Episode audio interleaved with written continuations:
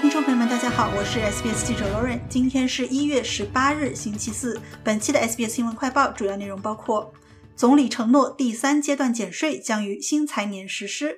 澳洲失业率稳定保持在百分之三点九；绿地集团四栋新洲公寓因有倒塌风险被责令整改；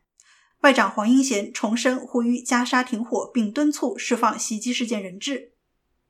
在数周的猜测之后，总理安东尼·阿尔巴尼斯表示，此前承诺的第三阶段减税将于今年七月生效，确保年收入超过二十万澳元的人士将获得每年九千澳元的巨额减税。但是，一些工人获得的减税与其他人之间存在很大差距，年收入为四点五万澳元的人仅获得每周四十三澳分的减税，高收入者或将成为第三阶段减税的最大受益者。对于年收入二十万澳元的高收入者，从二零二四年七月一日起，每年可减税九千澳元，或每月七百五十六澳元。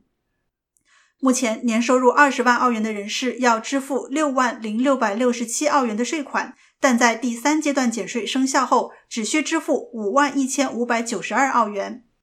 相比之下，年收入为五万澳元的人士，如今需要支付六千七百一十七澳元的税款，而在减税后为六千五百九十二澳元，仅获得了每年一百二十五澳元的减税，相当于每天减税三十四澳分或每周二点四澳元。另一方面，澳大利亚统计局的最新数据显示，失业率已经连续两个月保持在百分之三点九的稳定水平。根据统计局的数据，尽管就业人数减少了六点五万人，失业人数增加了一千人，但失业率保持稳定。此前，澳大利亚的失业率在十一月份略微上升了零点一个百分点，达到了百分之三点九。另一边，本周一，一份建筑工程整改令被下达给绿地集团澳大利亚分公司，并称其位于悉尼麦格里公园的公寓项目存在缺陷。地下室和地面层直接接缝位置的混凝土板严重损坏和老化。涉事建筑于2020年竣工，由四栋大楼组成，共有约900户住宅，底层为零售商店。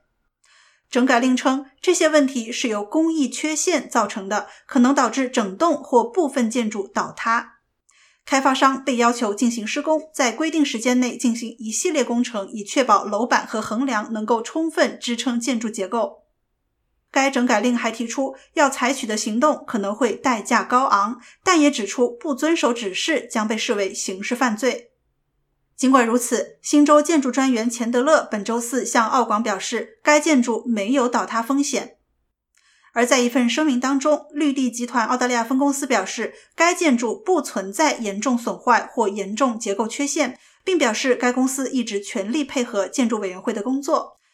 该公司表示，已在去年十月收到了整改令草案，并做出了迅速的回应，还聘请了多名具备资格的工程顾问进行调查。声明指出，调查结果发现问题仅出在较低的停车场楼层，并且建筑物塔楼不存在倒塌的风险。绿地集团澳大利亚分公司的官网显示，绿地集团于1992年在上海成立，连续七年跻身世界五百强企业。目前在澳大利亚、美国、加拿大、英国、德国、日本、韩国以及马来西亚等九个国家的百余城市经营房产开发项目。